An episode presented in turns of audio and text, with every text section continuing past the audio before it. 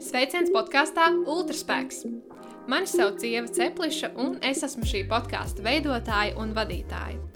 Šajā podkāstā es uz sarunu aicināšu cilvēkus, kuri skrien ultramaratonus, jeb skrējienus, kas ir garāki par 42 km. Es sevi noteikti varu saukt par ultrafanāti, un tieši ultramaratonisti ir tie, kas man iedvesmo sasniegt dažādus mērķus. Tāpēc gribu par šiem cilvēkiem vēstīt tālāk. Varbūt iedvesmosies arī tu. Šajā podkāstā runāsim par dažādiem ultramaratoniem un ne tikai. Šajos pieredzes stāstos uzzināsim, kā ir skrieti garus skrējienus, arī uzzināsim pieredzi un atklāsmes, kā un kāpēc to darīt, un kā skriešana izmaina dzīvi kopumā. Ja tev skriešana ir sveša, tad nesatraucies, jo šajos stāstos mēs caur ultramaratonistu pieredzi Runāsim arī par tēmām, kas ir aktuāls vienmēr. Motivācija, laika plānošana, mērķu sasniegšana, veselība, miegs, atbalsts, traumas un vēl un vēl citām tēmām. Dažās epizodēs uzklausīsim arī ekspertu viedokli, lai iegūtu arī profesionālu skatījumu un padomus, kas tev var noderēt tavu mērķu sasniegšanā. Ceru, ka pēc šī tevī būs ultraspēks, un tevi spēs aizraut viņu stāsti tikpat ļoti, cik tie aizrauja mani. Lai arī tu spētu sasniegt savu iecerēto. Ja tu nekad neesi dzirdējis par ultramaratoniem, tad nesatraucies, jo pirmās epizodes viesis sniegs diezgan plašu ieskatu šajā. Uz pirmo sarunu es esmu aicinājusi Matīs Vecvagari. Viņš ikdienā ir fizikas, inženierzinību, dabas zinību, matemātikas un ekonomikas skolotājs. Matīs ir 107 km garā skrējienu soļojuma Rīga Valmiera organizators un ir arī tautas sporta sadaļas autors portālā LSMLV. Paralēli visam iepriekš nosauktajam, Matīs atrod laiku arī, lai skrietu garas un ļoti garas distances. Šī gada septembra beigās viņš uzstādīja Latvijas rekordu Grieķijas vēsturiskajā 246 km garajā skrējienā. Finišā ierodoties ar laiku 24 stundas, 49 minūtes un 41 sekundes. Ar Matīsu runāsim par dažādām ultrām, par latviešiem Spartatlonā, par to, kāds spēks slēpjas Baltijās ūziņās un kā matemātika palīdz mērķu sasniegšanā. Matīs, kā jau pieredzējis skrējējs un ultra organizators, spēj smalki aprakstīt notiekošo, tāpēc man šajā gadījumā bija maz ko iebilst un klausījos ar lielu sajūsmu. Kā jau podkāstā par ultrām un pirmās epizodes patiešām ultra garo distanci, tā nu sanāca, ka arī šī pirmā epizode ir ultra gara. Tāpēc, ja pats skrien, tad uzliek šo uz austiņām un droši dodies savā garajā skrējienā. Nu, ko klausītāji? Aiziet, ieskrienamies! Mēs esam satikušies pirmajā sarunā, un uh, Matīs es izvēlējos kā pirmo podkāstu ultraspēks viesi, jo tieši Matīs, tu biji tas, kas man iepazīstināja vispār ar uh, ultramaratoniem, jo Uh, es jau skrēju, bet man nebija nejausmas, ka ir kaut kas vairāk par maratonu. Un uh, Matīs arī ir noteikti zināms uh, ultramaratonists aprindās. Un šodien mēs parunāsim arī par motivāciju, par motivāciju, kas neļauj padoties ceļā uz mērķi tieši caur tavu skriešanas pieredzi. Jo tāds skrējiens kā Spartatlons, tas noteikti ir liels mērķis, un tur noteikti ir vajadzīga motivācija. Tātad Šobrīd tu jau skrien uh, ultragaras distances, bet, uh, nu, cik es zinu, tad nebija tā, ka tu ar skriešanu uzreiz biji uz to kāds tāds šajā ziņā, kā bija skolas laikā. Nu, labdien, sveiciens! no skolas laikā, jā, nu, skriešana man nepadevās sevišķi.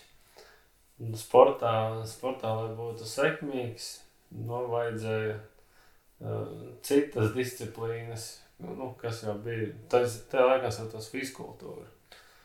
Tur augstslēgšana, tālēkšana, bumbiņu mešana. Es jau tur uz desmit, protams, to nedarīju. Tur, um, tur kāds 6, 7 bija, un tad kopā varēja dabūt sekmīgi četrnieki. Jo, nu, tā atzīmes bija labas, ļoti labas. Nu, tur nu, visos priekšmetos, bet, bet jā, man tur nekad nesauc priekšā par teicamām sekmēm, jā, jo, nu, skriešana tur pavilku uz leju, jā, skriešanā Un tur bija vairākas dažādi garumi jāskrien, tur 100 metri, 60 metri, bet nu, visvairāk bija tas 1600 jūdzi, 6 apļi un vēl tā taisnība bija jānoskrien. Un, un tur vienmēr man bija divnieks. Nu, jā, tā kā skolas laikā man, no manis nekāds skrējies nebija. Man skriešana nepatīk. Tagad, jā, es esmu dzirdējis no citiem, nu, kad skola tieši iedzen riebumu, nu, ka mūsdienās varbūt tā skolas sistēma ir labāka. Pats es strādāju skolā, bet, nu, es tā nesakoju līdzi, kas notiek sporta stundās. Nu, vai tur joprojām iedzen riebumu ar skriešanu, jo, nu, man šķiet, ka to visu var darīt arī savādāk, tā, lai, tā, lai patīk skriešana. Lai gan, nu, Bija tā, varbūt jau tā doma nebija slikta. Sporta stundās divas apelsnes noskrien. Nu, man tā šķiet, ka divas, varbūt vairāk bija tur četras. Un tad visu stundu spēlēja futbolu. Un es saprotu, tas bija vai no nu vārtos, vai no nu aizsardzībā. Nu, un tā, nu, nezinu, ļoti vienmuļi. Un tad ik pa cik nedēļām, nu, ka vajadzēja nopelnīt atzīmi, nu, tad tajā reizē, nu, tad notika kaut kas tur tā tālēkšana, vai, vai tie 100 metri vai 60. Bet tāpat tās noskrien dažas aplīšas, tad uz atzīmi izdara to un to un viss beidzās. Nu, nebija tā īsti. Es, es neatceros, ka, piemēram, nu, tagad šodien būs bumbiņu mešana. Varbūt bija iepriekšējā stundā vēl tās bumbiņas, mēs tur pamēģinājām pamētāt. Bet, nu, man liekas, nebija tāds mērķiecīgs sporta darbs stundās. Visas stundas spēlēja futbolu. Un zemā tautas bumba. un kas bija tas brīdis, kad tu sāki skriet brīvprātīgi, tad, kad tev tas iepatikās? Nu, brīvprātīgi, jā, nu, um, visdrīzāk jau tas, jā, ka tā skriešana kaut kādā brīdī šķita ir tas veids, kā uzlabot izturību. Tur pat nebija doma jā, par garām distancēm un tā, bet kaut kas tāds regulārs, kas uzlabo izturību. Jo es jau biju sācis startēt ar draugiem, piedzīvojumu sacensībās. Un tad, jā, nu, šķita, ka, kad, lai arī tur liela daļa bija uz, uz riteni jābrauc pa mežu, MTB un tur rogainīgi un tam līdzīgi. Un bija 16 stundas, 18, 24 un pat kaut kad bija 44. Nu, tad šķita, jā, ka nu, tā vakaros iziet paskriet, nu, ka tas kaut kā iedos vairāk. Nu, nemēģināju braukt ar riteni. Nu, kaut kā bija, jo pierast jau bija bērnībā, bija braukts ar riteni diezgan daudz. Bet tas vairāk tā bija nu, transporta vajadzībām no punkta A uz punktu B. Bet tagad, nu, nu tajā brīdī šķiet, ka, nu, kur es tā tagad iziešu ārā un sākšu braukt arī. Tā. Protams, arī tā skriešana tāda, nu, nu, tie jau varētu būt kā desmit gadu atpakaļ. Es atceros, ka tad policijas mašīnas pat piebremzēja un, un, un, un pavēro tev, vai es neesmu kaut kur, nezinu, laižos no kāda prom. Nu, nebija tik daudz, es skrēju kā tagad. Bet jā, tas bija tas, kad šķiet, ka var ar to skriešanu, un viegli tas nebija. Jā, galvenais jau nu, iesākt, un, un neko jau no tā nesaprot. Kā jau jebkurās lietās, tad, kad sāc, nu, tie pirmie soļi ir tādi, nu, nu, kas ir jāuzvelk, kā ir jāapģērbjās, cik ātri, cik bieži. Nu, bet nu, tā pamazām. Jā, un uh, Tu teici, ka skolā tev nepatika skriet, un tu biji nesekmīgs. Tā varētu būt tāda, tāda mazā neveiksme, bet kas tomēr uh, bija iekšā tā sajūta, ka ir jāpamēģina atkal, kas neļauj padoties tādā ziņā. Kāpēc vispār nepārsvītrot skriešanu uz visu dzīvi? Nu, kaut kur jau ir tas, nu, tas jau tāda lauka dzīve. Skola tā, tā vispār bija priekula. Nu, nu gandrīz neteiksim laišmali, jo pats dzīvoju vēl tuvāk uh, robežai, tur, kur tur liepājas rajonas bija tāda grāmata. Un visa diena pagāja gandrīz svaigā gaisā tajā laikā, jo nebija ne datori, ne telefoni, gājām uz mežu, taisījām lokus, bultas tur kaut kur, lauku darbi, visādas, nu, tur makšķerēšanas plosti un nu, visu kaut ko mēs tur darījām, kas nu ienāca prātā. Tur palast kādas indiāņu grāmatas vai kaut ko un izlasa, ko viņi tur sadarījuši un pašiem tas jāmēģina. Un, un tad vēl bija kaut kādas kolhoza atliekas un varēja iet darbnīcās tur brīvdienās, kad nestrādāja tie, kas tur bija ikdienā kolhoznieki. un, un tad mēs tur puikas pie tikām pie kaut kādām iekārtām. Un tā, nu, tā, kā, nu, tā bērnība, nu, kā jau visiem ir aktīva bērnība, bet nu, tāda nu, lauku bērnība un svaigā gaisā un daudz un, un tāda aktīva. Nu, tas kaut kā droši vien iedeva nu, tādu kaut kādu, varbūt, nu, to izturību, kas, nu, tāda tā laika izturība, Nu, kas varbūt tās arī nu, tagad ir devusi tādu pārliecību, ka nu, ja ar to nodarbojās, tad sanāk.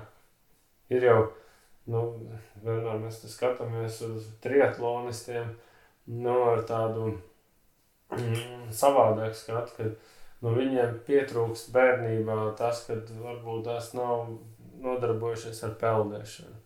Un tad var satrenēt eh, velo vai skriešanu Bet līdz galam pilns tur nesanāk. Tur nu, nedaudz pietrūks labam tādam izpildījumam. Nu, jā, bet uh, nu, šajā gadījumā jā, paskrien. Nu, un tad ātri vien jau kaut kas tur sāk sanākt. Un arī sasteigt nevajag. Tas ir tas.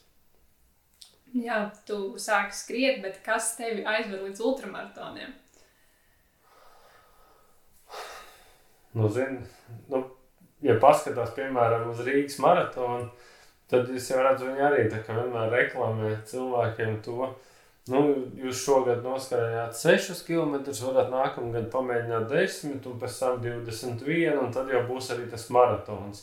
Nu, kad tas maratons ir nu, pāri visam, un ka vajag tos soļus iet, nu, es neuzskatu, ka tas būtu tas, nu, tas pats galvenais, vienmēr mudināt uz nākamo, bet nu, pašam tā ir un daudziem arī tā ir bijis.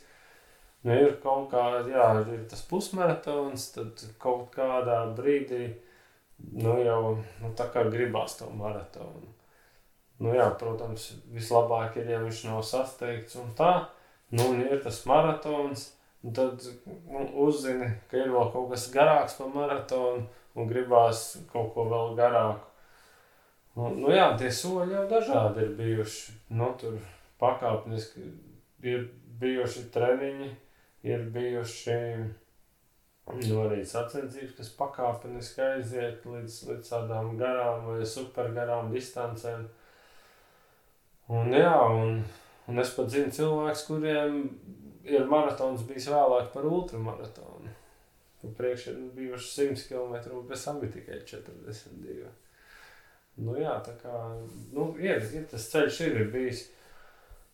Nu, pat arī ir tas, ka ultramaratons oficiāli pēc definīcijas ir, ir tāds skrējiens, kuram ir virs 42 km, bet nu, citi tā īsti tam nepiekrīt. Un, nu, tur dažādi skatījumi, protams, var teikt, arī taku skrējienos. 70, 80 km arī neviens tur īsti nesauc par ultramaratoniem. Nu, un ir arī, nu, kas saka, ka ultramaratons ir tad, kad tur ir bijusi naktis pa vidu. Ja tur no rīta sāka vakarā beidz kaut vai daudz kilometru, tas arī īsti nav ultramaratons. Mm, un tā kā, nu, visādi pakāpeniski ejot ir Ir Sigūdas kalnu maratons, viņš arī visu gadu saucās kalnu maratons. Bet tur 42, man liekas, nekad nav bijuši. Tās distances ir 55, 70, 80, tad atkal 70, bet saucās kalnu maratons. Nu, tā, nu, īstenībā jau tur nu, varētu pateikt, ka tas ir ultramaratons. Un, ja no tā nesabīstās, tad, tad, tad jau var. Un, Un ir arī piemēram, tas pats formāts, kas nu, tajā pašā Hāņas skrējienā, Igaunijā, 15. aprīlī. Nu, tur arī ir maratons. 6 vai 7, 6 laikam, 6 apli ir maratons, un tur jāpieskrien startā tāds līkumiņš.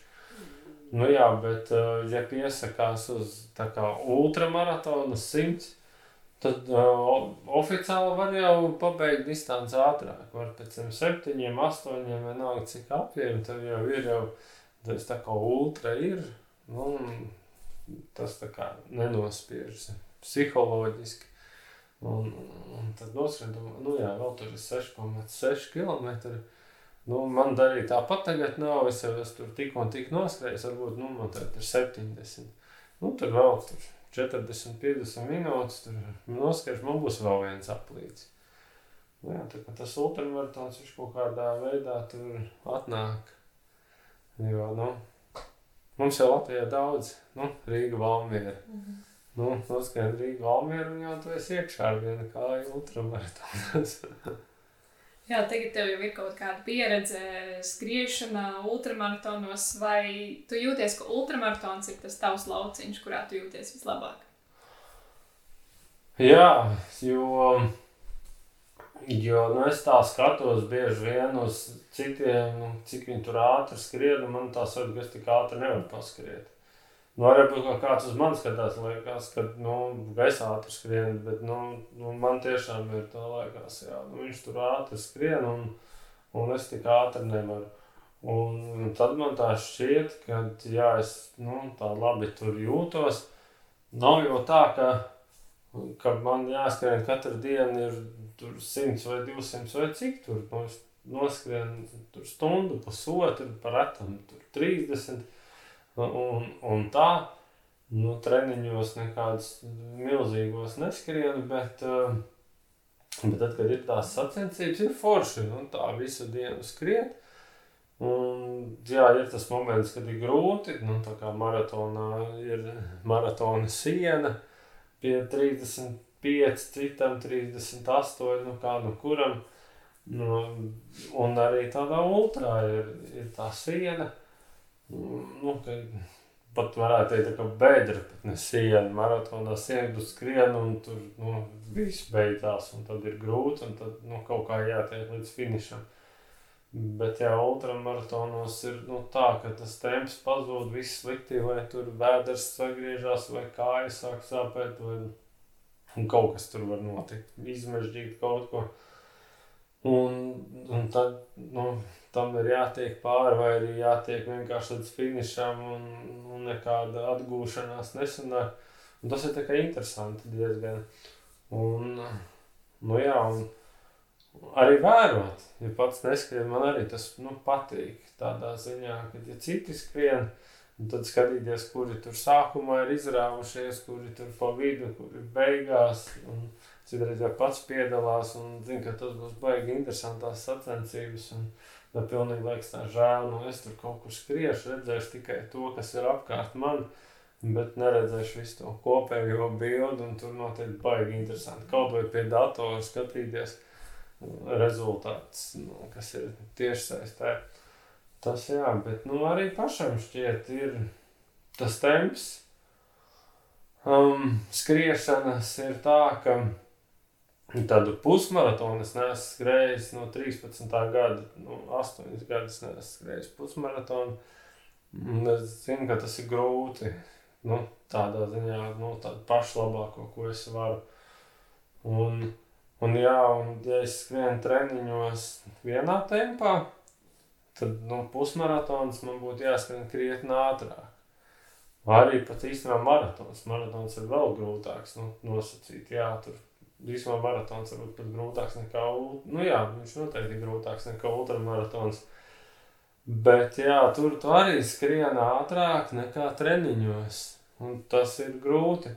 Bet ultramaratonos, nu lielākā daļa man šķiet skrien lēnāk. Nu tā iznāk tā kā tāda sākumā, tad var izbaudīt visu to.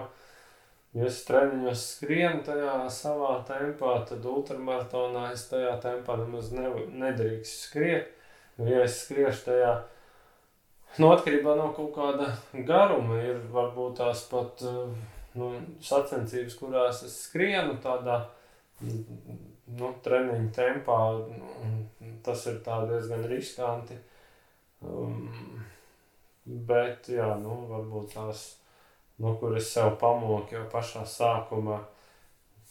tajā pašā Hāņā varbūt bija, vai, vai kas bija nu, Latvijas čempionāts takās, stirnu bukā, vilkā, un, nu, kur sanāk jau sev tā kā pamocīt, lai gan tas ir tāds garais gabals.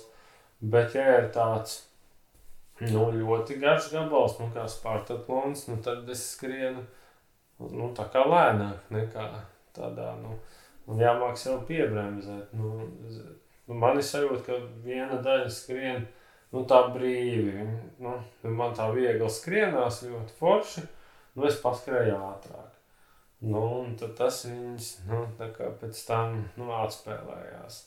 Vai tas ir Rīga, Valmiera vai kaut kur citur. Nu, nu, tas sākuma konkurenti pavēlk un, un pašam tāds viegls solis. Nu, es tā ļaujos un paskrienu ātrāk nekā, nu, tā, man liekas, tā lielā māksla ir sev piebremzēt. Un tā skriet un taupīties un, un tad, nu, tāpat jau būs jāmokās, tāpat jau būs grūti. Tā. Nu, tā man liekas, tur ir tā ultramaratona burvība. Varbūt tas pat ir kaut kāds mans slinkums, ka es nespēju sev pamocīt. Nu, tā, riktīgi. Nu, ka, jā, kad nu, es skrienu un skatos apkārt, baudu. Tas varbūt arī nav tas pats labākais. Varbūt ir nu, jākoncentrēs ceļš kaut kādās takās vai kur. Nu, tas, kas notiek zem kājām, priekšā, nu, tur jāpastāsta, varbūt tas temps vai nav pāri vai pa lēni, kur nedrīkst aizrauties. Bet nu, tā no vienas puses var skriet un baudīt nu, visu pasākumu. Tas ir tāds nu, savā ziņā slinkums, man šķiet. Bet jā, tādā pusmaratonā. Nu, tur mēlis kārs skrien pilnā jaudā, tu neko nebaudi. Nu, tu tas ir grūti, aizausies un sirds klapējās. Un, un, un, un, jā, un īstenībā maratonā kaut kas pat varētu būt līdzīgs. Protams, maratonā arī ir jābūt tā, ka, nezinu, pirmo trešdaļu ir nu, vieglāk, ļoti viegli. Un, un nu, jā, nedrīkst tā būt tā, ka maratona arī mokās jau sākumu iet uz maksimālo. Nu tā, nu kā ir citi, kas smējās, nu kāds plāns sacensībām, uh, nu, sākšu uz maksimumu, pēc tam kāpināšu. Tas jociņš. Jā, jau pieminēji Grieķijas vēsturisko 246 km garo Spartatlonu, kuru tu šogad noskrēji otro reizi. Pirmā reize tev bija 2014. gadā, kur radās šī ideja piedalīties šajā skrējienā. Nu, tā ideja, jā, nu, tā es, es pats tā īsti nezināju par tādu skrējienu. Jā, tā, tā ideja radās skatoties kopīgi ar, ar draugiem YouTube. Um, visādus video un redzot, kā citi tur mokās. Un, nu, jā, viņi tur sataisījuši savus tos saucamos reisa reportus, nu, tā kā nu, atskatu uz, uz to, kas tur ir bijis. Un, jā, un cik viņi tālu tikuši, kur viņi tur izstājušies, un pēc gada viņi ir tālāk un kādas mocības. Jā, un tad papētīja, ka tas tiešām ir ļoti tāds izaicinošs un vēsturisks skrējiens ar, ar stāstu. Un, un, un pat tagad man liekas, ka tur ir daudz kas kopīgs ar Rīgu Valmieru, no viena punkta uz otru, tā kā mums ir no R uz V, tā tur ir no A uz S, un, un sākums ir tā kā pie jūras, Atēnas, un mums Rīga, Un pēc tam ir tā kā virsjūras līmeņi, mums tur Valmiera vidzemes centrā. Bet tur Sparta, kas ir tāda centrālā, tā kā nosacīta galvas pilsēta, nu, pussalē lielai. Un tur tas vēsturiskais stāsts par Feidipītu, kas, ko ļoti daudz zina stāsts par maratonu, pēc kura viņš mīra bezspēkā. Bet nu, tas viss jau bija 490 gadus pirms mūsu ēras, kad tas pats karavīrs Zīnas aizskrēja uz Spartu lūgt palīdzību. Un tad tajā laikā Grieķija bija nevis tā kā viena valsts, bet tās bija pilsētu valstis. Atēnas bija viena valsts un Sparta bija otra tāda pilsētu valsts. Un, un atēnieši lūdza palīdzību spartiešiem un aizsūtīja viņu. Un viņš vienā rītā izskrēja un otrās dienas vakarā bija Spartā. Un, un tur arī ir tās 36 stundas, kurās jānoskrien. Un tad viņam atteica, jo nu, viņam tur pilnmēnesis un, un, un reliģiskie rituāli. Un tā, un tad 80. gados Britu karēji izdomāja, ka nu, vajag pārbaudīt to stāstu. Vai tas ir reāli, un no četriem trīs nu, to izdarīja. Un tad sākās tās sacensības, kas tagad jau ir gandrīz 40 gadus. Un, nu jā, un tā distance ir nu, tāda tuvu nu, maksimumam, ko cilvēks var vispār izturēt. Jo, nu, kā saka, bez miega vispār nu, var trīs dienas izturēt. Nu, tas ir tāds, nu, ko var Ja tagad ir backyard ultra, tāda viļņa, kur pieaug popularitāte, un tur skrien jau virs 80 stundām.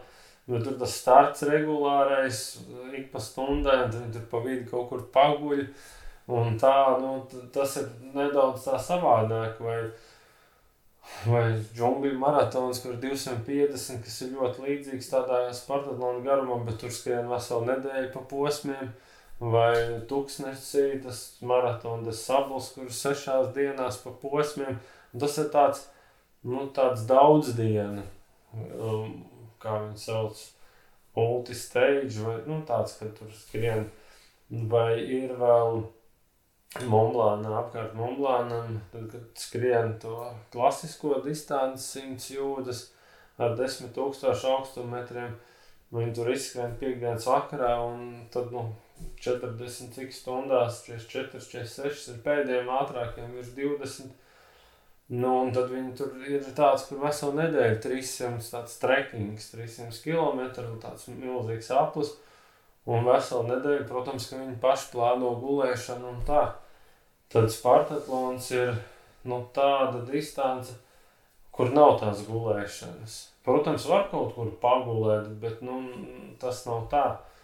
Nu, man liekas, jā, tas ir viens no tādiem nu, jau robeža, kuru, kuru, kur, kur tālāk jau nu, īsti es nezinu. Ir, ir vēl 48 stundas skrējiens, nu, ir tie klasiskie. Tā kā nu, 24, 48, 72. Interesanti, ka nesen bija tas backyard ultra un tie divi, kas. Um, Un tur nu, bija visvairāk noskrējuši. Viņi abi, abi bija amerikāņi. Un viņiem ir tā kā tāds Amerikas rekords 72 stundās. Sanāk, ja kāds nu, izdomā piedalīties 72 stundu sacensībās, viņš tur skries, cik viņš noskrēja 24, 48, visu, un tad viņš tur pa vidu ir, nu, viņam ir pārgurs, viņš pasēž, paguļ, tur nav pēd un, un skrien tālāk tad viņš nenoskries tik daudz, kā ja viņš skrien backyard ultra formātā. Tur ir starts ik pa stundai. Nu jā, tāpēc man kaut kur ir tas, ka liekas, tas Spartatlons ir tāds maksimālais, ko mēs, nu tā kā ir starts un finišs, un pa vidu nav tādas gulēšanas. Nu, gan jau, ka var pat parastā maratonā, Rīgas maratonā arī varbūt, ka var pagulēt, ja grib kāds kaut ko parādīt, ka viņš ir noskrējis tur 30 km un, un noliekās uz kādas improvizētas gultiņas, tur pusstundu pagulēt un vēl iekļauties kontrolē. Ka, bet nu, tur nu, jau nav tāds pārgājums, ka tieši nu, vajadzētu miegu. Bet, bet jā, tas ir tas, kas man šķiet. Un, un, un, nu, jā, un atbildot jā, uz to jautājumu, kā tad YouTube to skatoties, nonācām pie tā un sapratām, ka mums to vajag pamēģināt. Jo, nu, nu, vai ja es saku, virs 40 km, pat 50 km vai 70 varētu diskutēt, vai tas ir ultra vai nav ultra, tad 200 un vairāk. Tos pat uh, 90. gados, 2000. gadu sākumā, kad bija pat bija, ka viņas te Latvijā sauca par supermaratoniem. Nu, tas ir tāds, nu, nu, tur īsti vairs nav jautājums, vai tas ir ultra, ultramaratons vai nav. Nu, tas tiešām ir un, un tur ir pavisam citi noteikumi. Un, Tāpat kā jebkurš piekritīs, ka maratons nav tas pats, kas divi e, pusmaratoni, ka tas ir daudz grūtāk. Tad tāpat tās arī nu, nu, tas, kas ir virs 200 km, tas nav noskaidrots divas reizes 100 km. Tas ir nu, tā kā Nu, es it kā man būtu, varbūt pat jāpasaka, cik reizes tas ir grūtāk, bet nu, es nevaru pateikt. Nu, tas nav katrā gadījumā divas reizes. Tas nav jā, no 200 noskriet. Tas nav tas pats. Jā. Un, lai piedalītos Spartaklonā, ir jāizpilda kvalifikācija, kas nozīmē, ka tas noteikti nevar būt spontāns lēmums startēt šajās sacensībās. Un kas toreiz, kad tu pirmo reizi gribēji tur startēt, kas bija tava galvenā motivācija? Pārbaudīt, kā tu minēji, šo maksimālo slieksni, vai vienkārši piedalīties, vai, vai kas bija vēl, kāpēc piedalīties? Nu, īstenībā tas izklausītos varbūt smieklīgi, bet Man toreiz bija pat nedaudz bail, um, jo es nepazinu nevienu cilvēku, kurš kaut ko tādu izdarījis. Ja bija, pēc tam mēs noskarojām, ka ir divi, kas to ir izdarījuši. 21 gadus bija pagājis, jā, un divi cilvēki, un viens dzīvoja Ozolniekos, Zibikovs, un otram es vienmēr aizmirstu vārdu, kurš jau ir miris tur, jā, un, un tie divi ir. Un, bet viņus tā satikt nevar, un, un tev vajag, un tas ir kaut kas tāds nu, pēc kuras varbūt pat neskriešu. Nu, tā, kad varbūt es esmu atlikušo mūžu, būšu ratiņkrēslā, vai, vai uz kruķiem, vai, vai manas kājas būs tādas, ka man būs traumas, un, un es nevarēšu pat 5 km noskriet. Nu, bet, nu, bija kaut kā tā doma iesēdusies, ka to vajag.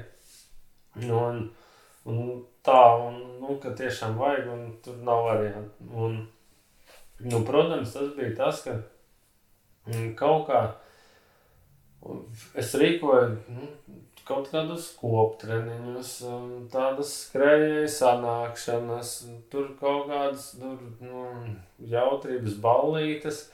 Mm, nu tā, un, un tad vienmēr uz kaut kādām tādām muļķībām, provokācijām kaut ko vajag vēl un vēl. Un, nu, visu, visu kaut ko izdomājām tādu nestandartu. Un tad vajadzēja pavilkt arī draugus. Nebija tā, ka viens pats. Jo mēs aizbraucām, nu, ir 20 gadi, ka neviens tur nav bijis Grieķijā. Un tagad mēs aizbraucām seši. Tur pat varēja būt vairāk. Jo es pat vienam otram teicu, nu, tev arī ir Spartaklona kvalifikācija, piesakamies. Un mēs braucām pat viņu izpildīt. Mēs braucām uz Viļņu, skriet 100 km un pat 2 km apli lai tik izpildītu, vēl vesels autobus aizbraucām. Latvijā nebija tāda skrējiena. Latvijā 100 km Latvijas čempionāts notika Lietuvā. Viņš notika Nidā, tad, eh, tad pēc tam bija Viļņā, jo nu, Latvijā nebija. Tagad šodien skatoties, man liekas, un ko es pazīstu cilvēks, ja viņi tur vienu daļu noskriešu Rīgu Valmieru, un kas tas ir, tas simts nekas nav. Bet tajā laikā vispār neskrēja tādas. Neviens neskrēja tādas gabalus. Tur bija nu, pieci cilvēki, varbūt, kas to skrēja. Tagad, man liekas, 200, 300 gadā kaut ko tādu noskrēja. Un tad neskrēja. Un, un, un, un jā, mēs aizbraucām. Un diezgan daudz noskrēja. Vajadzēja 10 stundās noskriet. Pat varbūt tur vienā brīdī bija 10 stundas un 30 minūtes. Es neatceros, lai izpildītu to kvalifikāciju. Un, jā, un es teicu, tev tagad ir Spartana, tev, tev, tev, tev, nu, kurš tā kā, nu, nu, tā kā kaut kā saklausīja to, vai kurš uzķērās. Un tad bija janvārī pieteikšanās, tad es vēl tur apzvanīju, atgādināju, nu, tā.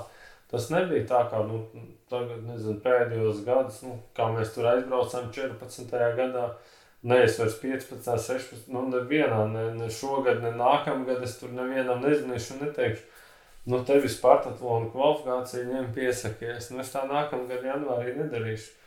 Bet tad es tā darīju, un mēs aizbraucām, un, un, un, un tad, jā, nu, cits varbūt man atteica, un cits piekrita, un pavilkās, nu, tā kā, jā, un, nu, nejauši tas nebija, bet, nu, jā, kaut kādu gadu vai divus nu, mēs uz to gājām.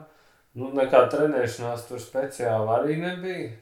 Un aizbraucām. Un, un tas bija, jā, tur es vēl tagad atceros, kā Valdis Nilovs skrēja visiem pa priekšu pirmos 90 km. Un viss vispār Latvija tur nav bijusi, un tagad visās kamerās visur mēs visi tur nu, šokā, jā, Valdis Nilovs pa priekšu. Jānis Astiņš bija man šķiet arī trešais tur skrēja. Un tad bija Laimons, skatiņš, jā, viņi tur šeit mēs pa aizmugurē, Mārta un Pēter tikai. Mārta izstājās, un pēc tam Pēters arī izstājās, un, un tā es tur tā arī pat aizmugurē tur turpināju, un, un, un, un tie, kas mūsēji bija priekšgalā, tur, nu, tā kā nedaudz pieplīs, un brīnumainā kārtā es atceros, ka valdes kaut kā atžirga, atkopās, un otrā rītā viņš tur apzina vairākus, un desmitais finišē. Mums likās, ka pirmo reizi, un uzreiz Spartaklonā desmitā vieta. Un tā, bet, nu jā, jau tas, ka viņš tur sākumā, jā, pirmos kilometrus tur policijas mašīnas pavadība. tā mēs tur seši aizbraucām un četri finišējām. Jā, tu kvalificējies 2020. gada Spartaklonam, kurš, protams, tika atcelts, kā jau lielākā daļa skriešanas sacensību, bet tas tika pārcelts uz 2021. gadu, kurā tev bija lieliski panākumi. Un eh, tas sanāk, ka tev bija vēl gads, ko sagatavoties, eh, vai tev šis gads eh, kaut ko deva, un kā vispār sagatavoties šādam skrējienam Latvijā, ja mēs ņemam vērā, ka Grieķijā ir kalni un, un karstums. Jā, tā trase ir tāda Skatoties tādu reliefu, 240 km, pirmā trešdaļa 80 iet gar jūru, vismaz tā kartē paskatās. Un arī no sāna tas reliefs arī nu, pilnīgi taisns, un tad tur tā kaut kā nedaudz. Un, un tad pat īsti nevar saprast, cik ir augstuma metri. To es tikai pēc tam, kad es skatījos citus skrējējus sociālos tīklos, sapratu, ka tur ir virs 3000 augstuma metriem. Un, nu, un, jā, Bet realitātē tur ir serpentīni. Tā kā mašīnas brauc kalnos, nu, kur, kur ir būts. Nu, kalnu vienmēr asociējās nezinu, ar Alpiem vai Tatriem vai kur. Bet Grieķija tomēr ir kalnaina un kaut vai tur ceļš iet gar jūru, viņš visu laiku iet un reāli skrienot pa trasi. Nu, nav tā, ka es skrienu un blakus ir jūra, es viņu redzu, bet viņi kaut kur tur lejā. Tu tur lejā var redzēt, ir osta kaut kādi naftas vai kādi tur tie termināli, bunkuri un, un, un osta un pilsētiņas un tā. Tas viss ir tā kā apakšā brīžam. Nu, retu reizi ir tā, ka es vienā ar jūru. Nu, bija pat tāds viens moments, kad man šķiet, ka man līdz jūrai ir apmēram 10 metri. Bet tas bija tāds viens moments, un man pat šķiet, jā, nu te varētu iet nopeldēties un noskriet bija kāds 70 km. Bet pārsvarā, jā, tur tā it kā skrien pa taisnu, bet īstenībā visu laiku tur likuma. Un, jā, un tas karstums. Šovasar bija karsts, karsta vasara, tas varbūt palīdzēja, bet jau, kad nāca rudens, jau bija tā kā piemirsies. Nu, nu kā lai saka, jā, tur ir, bija, bija, jā, varēja trenēties. Pat tas, nu, Covid kaut kādā ziņā pandēmija varbūt pat palīdzēja. Nu, nu, kad eh, nu, viss ir apstājies. Nu, it sevišķi pagājušajā gadā, 20. gadā, kad, nu, uz kur es biju pieteicies un izlozēts. Nu, jo, nu, bija jau 19. gadā, kad man neizlozēja, un tad 20. kad man izlozēja. Un, un tad pēkšņi jā, ir tā pandēmija, un nekas nenotiek, viss sēž mājās, un tad es tur sāku skriet rītā vakarā. Un, un, un, nu, tas man pat nu, tīri labi iepatikās. Var izgulēties, nevis tā, ka visu laiku celēs augšā un skrien tā kā vāveres ritenī. Nu jā, bet nu šogad vēl bija tas, jā, kad es vēl izdomāju, ka vajag treneru konsultācijas, tā kā tādu treniņu plānu. Jo, nu, ja es pats sev to treniņus jau zināju, kāda man viņi tur ir, kas tur jā, noskrien no rīta, 10, vakarā 10, un man pa mēnesi ir 600 km, kas ir daudz. Bet tur varbūt tas pat būtu citam bīstami, jo nu, ir, ir iespēja tikt pie traumām. Bet, nu, ja tas pakāpeniski darīts, tad, tad to var. Nu, bet, bet jā, es šogad domāju, vai kaut ko pamainīt. Tad tas gads ir iedots, jāizmanto. Jā, un tad uzrunāju ultra, ultra skrējēju treneri Andru Nemojas. Un, jā, un tad viņš man tur iedod nedēļas plānu. Un tad es tur redzu, ir kaut kāda īsāka, ir kaut kāda garāka, ir kaut kas ātrāks. Nu, šādi arī garāks. Nu, tā, lai viņi nav ļoti vienādi treniņi. It kā jau liekas, nu, kas to tur mēs katrs pats varam paņemt, uztaisīt. Nu, tur kaut kāda šodien būs tik, nākamā dienā tik. Un tad nedēļas beigās apsēsties un paskatīties, nu, man sanāca tas izdarīt vai nesanāca. Bet realitātē jau nu, pašam nu, sevi ir grūtāk piespiest. Nu, tā, nu, tā kā bija kaut kāda tā treniņa dažādība. Bet, nu, Kā redzams, sagatavoties var. Šogad uzvarēja Spartatlonā Grieķis, bet vietējais skrējējs tur nebija vairāk kā desmit gadus uzvarējis. Tur viss ir kas atbraukuši un, un tā.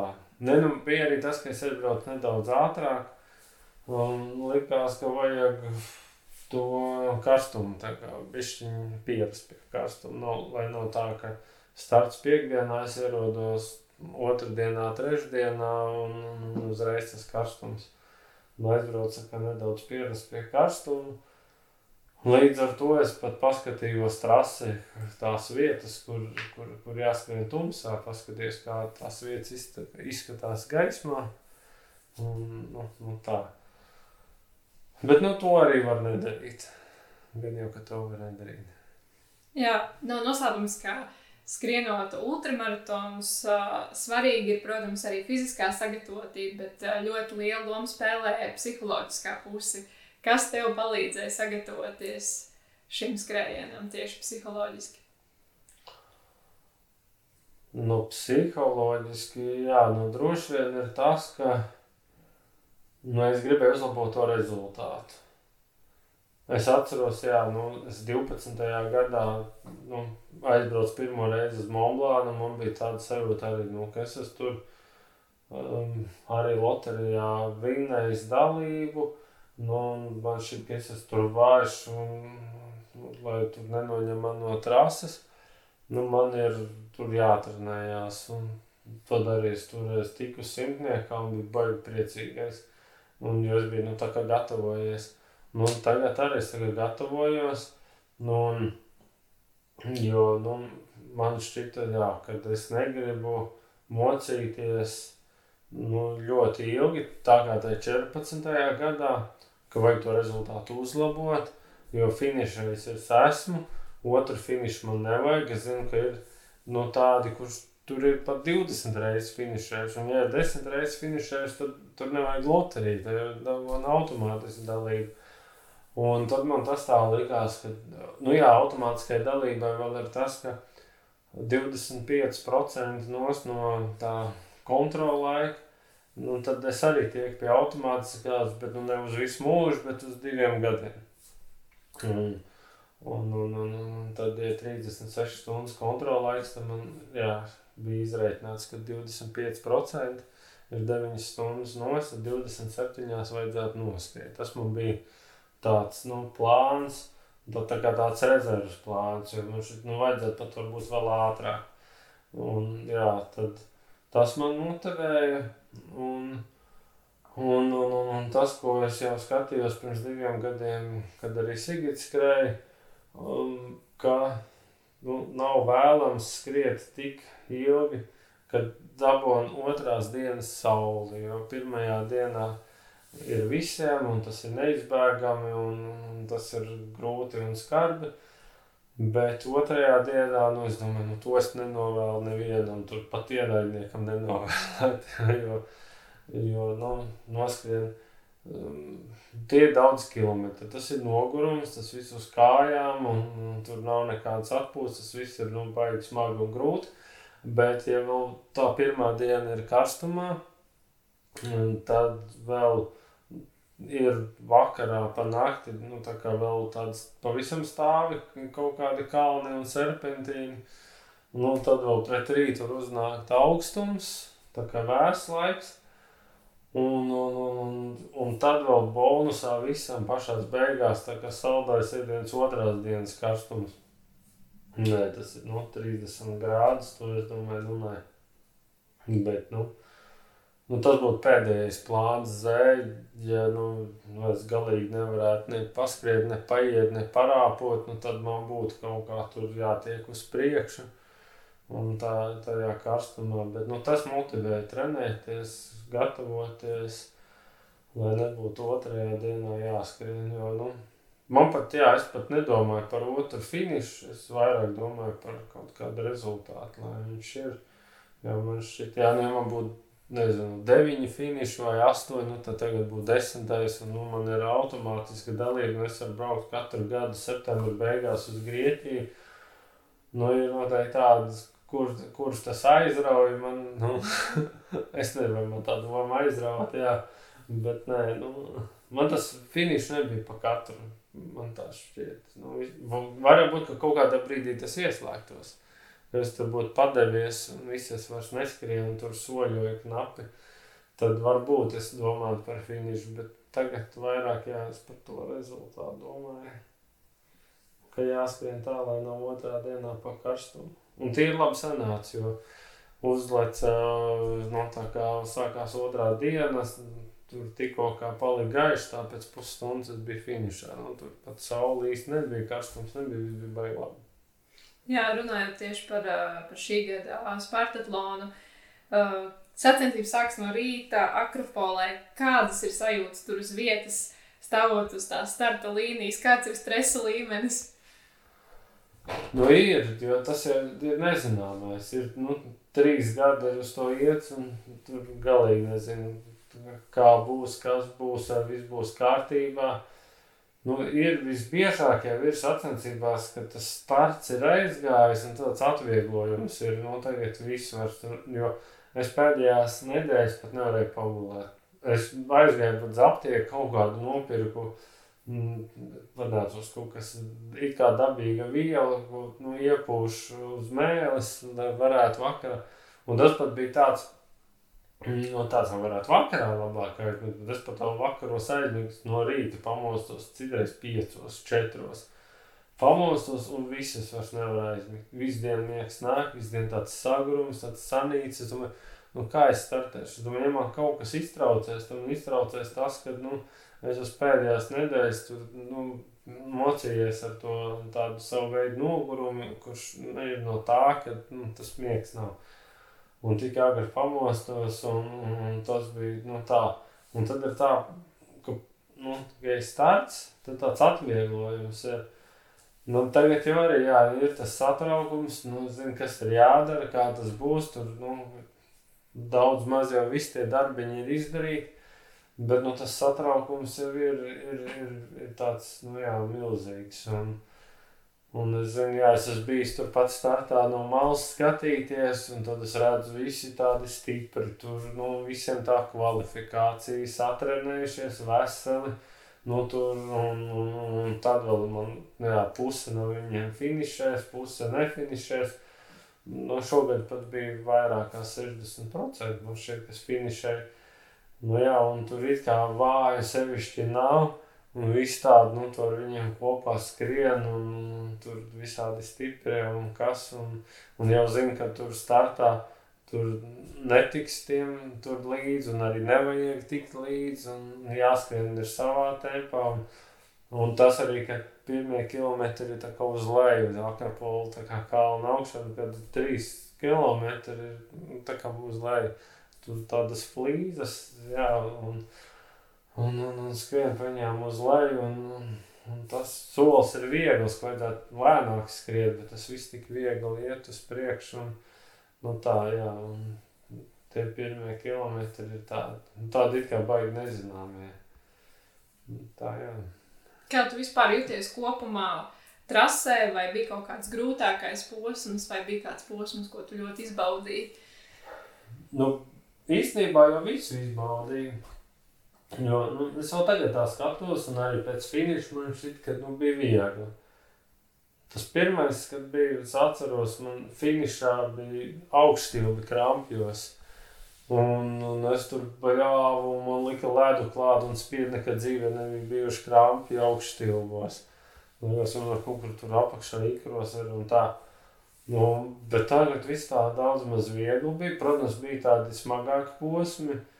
Es atceros, apmēram 60, 70 km jūtas kājām nogurums. Un, un, jā, un tajā brīdī es domāju, ka treniņi ir vieglāk nekā, nekā sacensības. Un, Bieži vien jau liekas, nu, mums patīk sacensības, un tad tie treniņi ir tā tāda nu, piespiedu piedeva apmēram. Ja?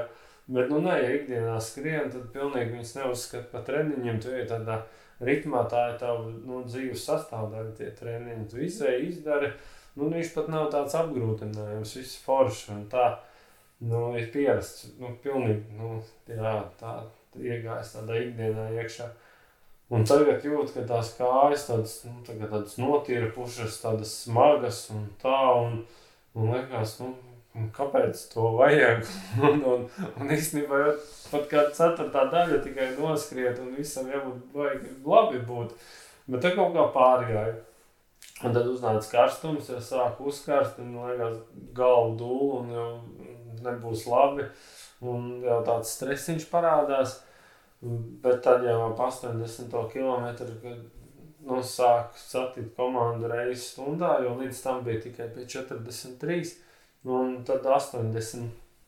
Un tad bija 7 stundas noskriets, un tāda agra pēcpusdiena, pulkstenis 2-3 dienā, un sāk iesilt.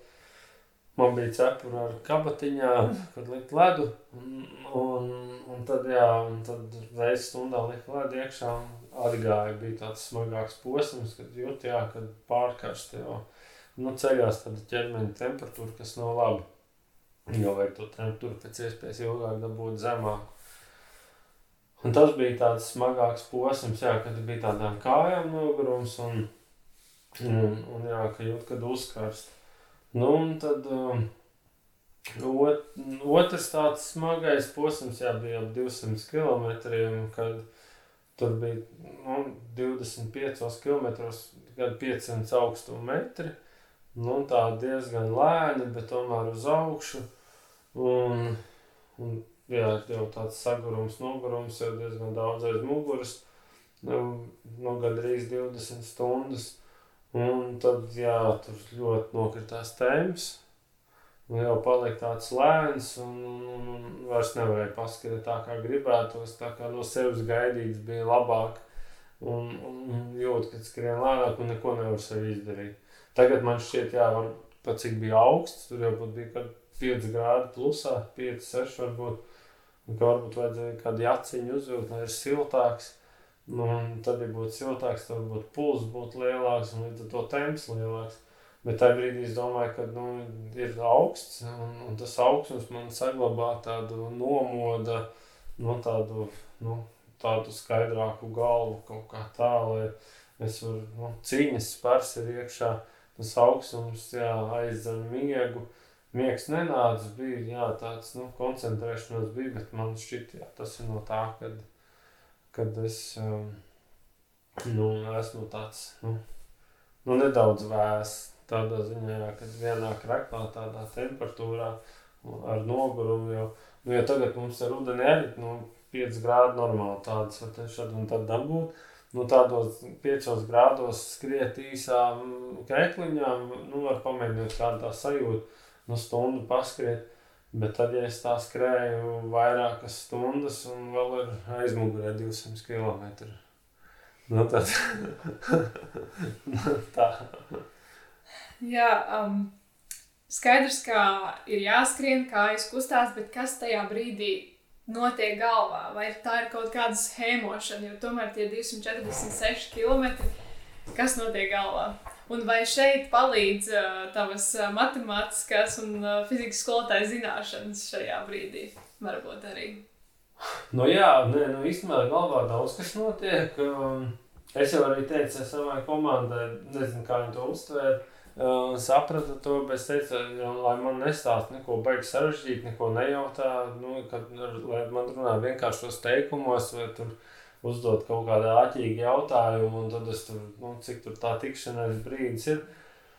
Un tad es tur skriešu un kaut ko domāšu un fantazēšu, un, un man tur pat tas būs par sarežģītu, jo galva nestrādā.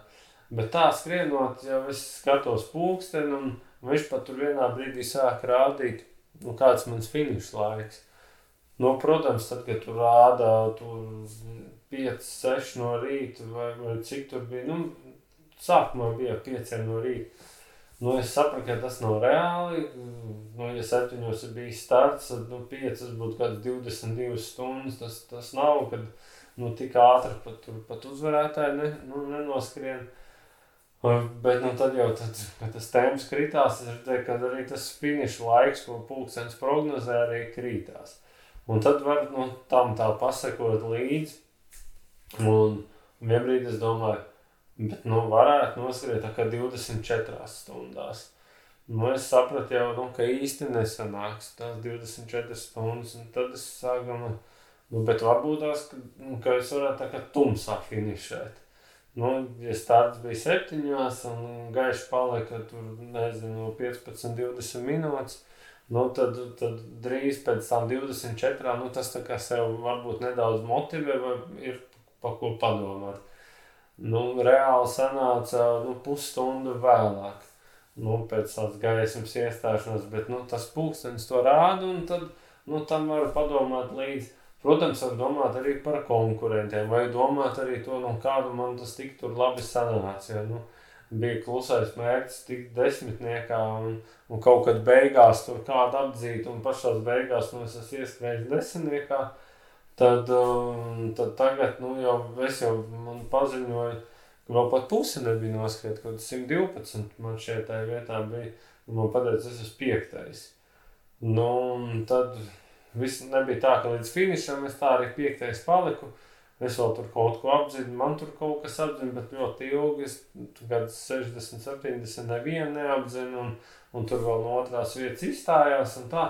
Bet jā, tur man pasaka tā, un, Un tam vēl priekšā bija mūsējais Ainārs Kumpiņš, kurš vēl tad bija trešais, tad viņš arī tur kaut kur bija, kad, nu, nu tur kaut kā vēl tas viss mainījās, bet tur arī ir ko padomāt. Un pie beigām, nu ne pašām beigām, bet jā, ap, ap to 200 vai 220, ap kā 220 man šķiet, man vēl sāk teikt, nu, kad tev neapdzina pirmā sieviete. un tā bija mūsu Diana, kas bija septītā, tad pa vidu vēl viens bija Un, nu, tad arī bija par ko padomāt, ja, kad ore kā mums arī baigi labi. Ja, tur, nu, ir, es tā īsti nesapratu, cik viņi tālu ir. Un, un tā, bet redzēju, to viņas atbalsta komandas mašīnu pa laikam. Tad es sapratu, nu, dikti tālu, jo viņi tur varbūt ka nav, bet nu, kaut kur viņi ir. Nu, tā, kā, nu, tā jau tur apdomāt, nu, ka kaut kas tur galvā notiek. Bet, nu, nu tā neko citu sevišķi tur nepadomās. Tur nevar kaut kādas ikdienas problēmas galvā risināt. Tajā brīdī nē, nu, tur jau kaut kā tomēr domas par, par skrējienu, vai kur es biju iepriekš noskrējis pirms nedēļas. Tad es varēju salīdzināt, cik man tur viegli tad skrējās karstumā un varbūt tādā naktī, kad it kā labāk laika apstākļi un tik labi vairs neskrienās. Nu, tā bija kaut kas. Jā, tu jau pieminēji arī savu atbalstu komandu, un tie, kas mūs klausās un grib redzēt vizuālu materiālu, noteikti var doties uz Ultrataka LV Facebook. Tur ir pāris reportāžas, kur var gūt ieskatu, kā tad um, Matīsam un vēl citiem latviešiem gāja. Um, vai atbalsta komanda tevi motivēja? Kādu lomu vispār spēlēja, vai tu spēj iedomāties noskriet šādu rezultātu bez atbalsta komandas? Un grūti iedomāties bez, jā, bet nu, ir jau kas skrien bez, uh, nu, var, var noskriet, un arī no mūsējiem jau ir skrējuši. Ir pat arī tādi, kas nu, var aizsūtīt uz kaut kādiem noteiktiem punktiem noteiktas lietas. Vai tur ēdienas, dzēriens, varbūt pat apģērbu vai lukturīti. Un, un pat vēl tas paralēli notiek ar atbalsta komandu. Man tā nebija, man bija viss tā kā atbalsta komandai, un man tur nekas nebija. Uh, punktos atstāts. Pat īsti tur neapskatījos, kas tajos punktos uh, ir nu, piedāvājumā. Bet jā, kopā 74 punkti, 75 ir finišā. Un, un 15 punkti no tiem ir, nu, kuros drīkst satikt atbalstu komandu. No sākuma ir 43 km, tad 80 un tad ik pa 10, 12, nu, varbūt kādā vairāk, 16 ir bijis mazākais ap 10. Jā. Un, un es pieņemu, nu šoreiz noteikti nē, bet nu, varbūt kādā reizē es būtu nu, super, nezinu, tās atradnējies vēl stiprāks nekā tagad. Un, un tad es varētu, jā, nosvērt, bet katrā gadījumā ar atbalstu komandu ir vieglāk, nu, daudz vieglāk, un, un var redzēt, ka viņi cenšas, viņi visu izdara, un tas arī neļauj pašam tā atslābt. Es iedomājos, nu, es skrietu viens pats varbūt, nu, es tur apstātos eh, pie oficiālajiem kontrolpunktā, pie brīvprātīgajiem, Un tāpat es varbūt tur dabūtu ūdeni, viņiem kaut ko parunāt, varbūt nu, es būtu tur tā kaut kā pieklājīgāks un nu, nu, kaut kā tā. Um, bet šeit es redzēju, cik viņi tā ātri visu dara. Lai gan tagad pats, kad paskatās, jā, jā tad liekas, un kā tur viss tik lēni, tur 3-4 minūtes paiet un, un liekas, nu iztērēts laiks tur ir. Mm, bet, uh, bet tajā brīdī tas liekas, nu, ka tas viss notiek baigā ātri. Un, jā, un viņi arī tā kā iedvesmo savā ziņā, motivē. Viņi nu, visu to tik ātri izdara, aizskrien prom.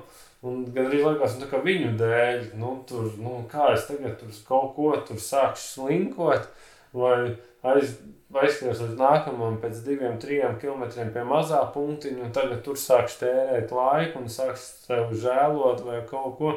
Nu, es jau tā nevaru. Viņi jau tur viss tā cenšas, nu, vispār maksimālo. Nu, tā kā jā, tas, nu, tas atbalsts tā ir. Nu, nu, pilnīgi noteikti, ka nu, bez viņiem tur būtu bijis nu, lēnāk. Es kaut kādā brīdī varbūt padotos, atslābtu, nu, tā vairs necenstos, jo viņi tajā bija iekšā. Un, Un paši viņi arī man pēc tam teica, kāpēc es neteicu par to, ka es tik ātri skriešu un, un, un būšu priekšā. Viņi domā, nu, ka tur ir tik daudz dalībnieku un kaut kur tur pa vidu visam tam param kaut kur viss notiks. Un viņi tur redzēja, nu, visu var tiešām arī, nu, ka paklājas liek virsū, kā man bija tas joks, ka es tur ar Pēteri Grīviņu tur kaut kur komentējām viens otru, ka Es teicu, jā, nu, Maks Instagramā es biju iekšā to vietu, kur man tajā 14. gadā um, es ierados 8 minūtes pirms punkta aizvēršanas. Es biju aizmidzis uz serpentīnu, tur 700 augstuma metru bija, un es tur viņus biju uzgājis un aizmidzis. Un bija jābūt no rīta, sestdienas rītā 5.10. Es biju 5 un 2 minūtēs, un, un kad jau ņemtos uh, visus tos paklājus nost, Un, un viņš man, man liekas, atbildēja, ka es šogad ieradīšos, un tad vēl tie paklāji nebūs uzlikti. Un tas bija jau tāds joks.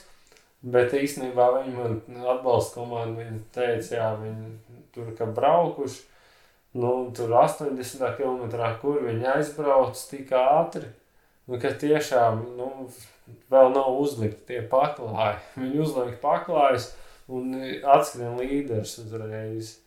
Nu, tā, Nu, tas ir kaut kas līdzīgs, jā, tā kā Rīga Valmiera, nu, kā, nu, kā organizatori arī tur visu nakti likt tos paklājus priekšā līderiem, tur, nu, šķiet, ka tur knapi, knapi, bet, nu, tas jau kā no vienas puses ir normāli, nav jau jābūt tā, ka viņš tur ir trīs stundas iepriekš, nu, ir uzliek paklājāts skrien līderis, un tad jau tur visu dienu ir visiem tā kā vajag. Jā, es atceros arī, ka Sigita, kas bija tavā atbalsta komandā, stāstīja, ka viņiem sajūta, ka viņi rīkos partatlonu, jo viss tikai vēl, viss tikai top, un jā, nebija galīgi gatavi uz to, bet, nu, protams, jauki. Mēs jau runājām, ka tu biji pirms diviem gadiem atbalsta komandā. Kā tev šķiet, kurā pusē ir vieglāk tev pašam? Ko tu izvēlēsies, skriet vai būt atbalsta komandā? Nu, zini, gandrīz jā, tāds, tāds jautājums, labs, bet man šķiet, noskriet tādā ziņā ir vieglāk. Jo, jo tur bija, nu, tur bija Sigitai, bija tādi smagāki brīži. Jo es atceros, jā, kā minēju, tās otrās dienas karstums. Nu, tas bija tas, ko mēs centāmies izvairīties. Un, un, jā, un mēs tā kā nu, negribējām to, bet tur bija trauma arī jā, serpentīnā iegūt traumu un potīt uzpampu. Un ir tā, ka jā, naktis tā otrā daļa tāda līdzenāks kaut kāds periods. Un, un mēs redzam, ka viņi nu, brīžam neskrien. Man pat šķiet, ka bija kādi 12 grādi. Nu, tāds, nu, tāda diezgan laba temperatūra pēc tā visa karstuma. Liekas, nu, šitā temperatūra, nu, ka te ir jāskrien. Jo kā tā diena ir tagad, nu, pa dienu bijis karstums, bet, nu, labi, tur vēl ir svaigs diezgan. bet priekšā ir nu, tā diena, kur, nu, kas nebūs labi. Un tā tāds stresiņš ir no otras puses, jau nu, mēs jau tur atbalsta komandā, mēs tā, nu, neko baigi neizrādījām, jo redzējām, ka ir galvenais, protams, ir finišēt, ir jāfinišē, ir jāizdara, nu, tā, tas savs darbs, jā, nu, jānofinišē Spartaklona, pirmā, tā teikt, no Latvijas dāma. Un, un tā mēs redzējām, ka tā reize ir vīra. Un tā, Bet nu, tāds, tāds stresiņš, un, un tad kaut kā tu redz vairāk to kopējo bildi, un ir tas, nu, tas satraukums. Un, un tad var tā, tā kā mazāk šķiet, var palīdzēt. Nu, nu, tie nevar otrā vietā skriet. Nu, var tikai tajā punktā kaut ko. Nu, bet tad, kad tu pats skrien, nu, tad, tad tādā ziņā ir vieglāk. Nu, nu, jā, tas, nu, tas tā noteikti varētu būt. Jā, kad, kad pašam ir vieglāk, ja noskrien. Jo man joprojām nepamatā sevi, ka nebija nemaz tik grūti, nu, kaut kā aizdomīgi viegli. Jā. Nu, šķiet, ka tur ir jābūt mocībām un grūtībām. Un, jā, nu, skatoties, jā, Rīga Valmiera, piemēram, ir viena daļa dalībnieku, kuriem tas nepavisam nav viegli. Un tad, nu, ja pārceļas pārdalām, tad tas ir nu, vēl grūtāk. Bet, nu, kaut kā, kaut kā tur tas, tā grūtā sadaļa, nu tāda pavisam grūtā un mocības izpalika šoreiz. Tāpēc skriet bija viegli. Jā, tu jau pāris lietas varbūt ieskicēji, bet uh, kopumā kā tu skaties uz savu pieredzi toreiz, pirmoreiz skries Partatlonā un šoreiz? Tu jau varbūt minēji, ka toreiz tas bija grūtāk. Tagad tu saki, ka nebija tās mocības tik daudz, bet varbūt vēl kaut kas, ko tu saprati, kaut kas, kas atšķīrās tā pēc sajūtām. Nu jā, nu sanāca, ka tas bija 14. gads, un pēc tam nu, pat nebija doma, ka nu, nu, neizslēdz tā vispār, ka es tur nekad neskriešu tā, nē, bet nu, pirmā brīdī, nu, man likās, ka, nu, nē, nu, tur bija Es atceros, Jā, Pēters, Laimons, jā, ka viņi tur vēl brauks, bet nu, tur es atceros, Valdis pat paspēja vēl atgriezties. Nu, Marta pat tā kā izstājās, bet viņa pat nemēģināja pēc tam noskriet vēlreiz tur, nu, nākamajā vai aiznākamajā, nu, tā uz karstām pēdām, kā teikt. Nu, nezinu, jā, Jānis Atceņš, viņš arī pat vēl tā, viņam bija labs rezultāts tur ap 30 stundām, bet, bet uh, viņš tālu vairs nav tur mēģinājis pat pieteikties. Un, viņš vienmēr māca atrast ļoti labus visādus skrējienus pasaulē un izbaudīt tos. Un tā, bet um, man tā kā nu, likās, nē, nu, man tur nevajag. Nu, es nu, biju tur jā, grūti un tā, nu, galīgi nebija vilinājums. Nu, bet jā, tagad iznāca tā, ka es atceros pēc pieciem gadiem, kad Sigits skrēja, un es biju visu aizmirsis no tā. Un, un es pat teicu, nu, izbraucam trasi. Nu, es tur kaut kur neapmaldos, meklējot tos punktus. Viņi tur skriež bariņā ar visiem, vai tur pa būtānu, ko mēs braucām to trasi. Un tā, un tad jau, nu, es jau tā sapratu, kas tas tāds ir. Un, kad viņi startēja, tad viss to skrēja, es redzēju, un visu to atmosfēru un tā, nu, jau viss tā redzēja arī kaut ko no malas. Un es zināju, ka es tagad tā neaizmirsīšu. Nu, kā es biju par tiem pieciem, aizmirsu, nu, pagāja divi gadi. Nu, jā, un es pirmkārt jau atceros, kā tas notika tur, pirms tam diviem gadiem. Un, un tā, un vēl pats nu, pat rāsts pabraukāju, vēl kaut kā, vēl kaut kā. Un es nu, jūtu jau tāds nu, tā gatavāks, daudz gatavāks.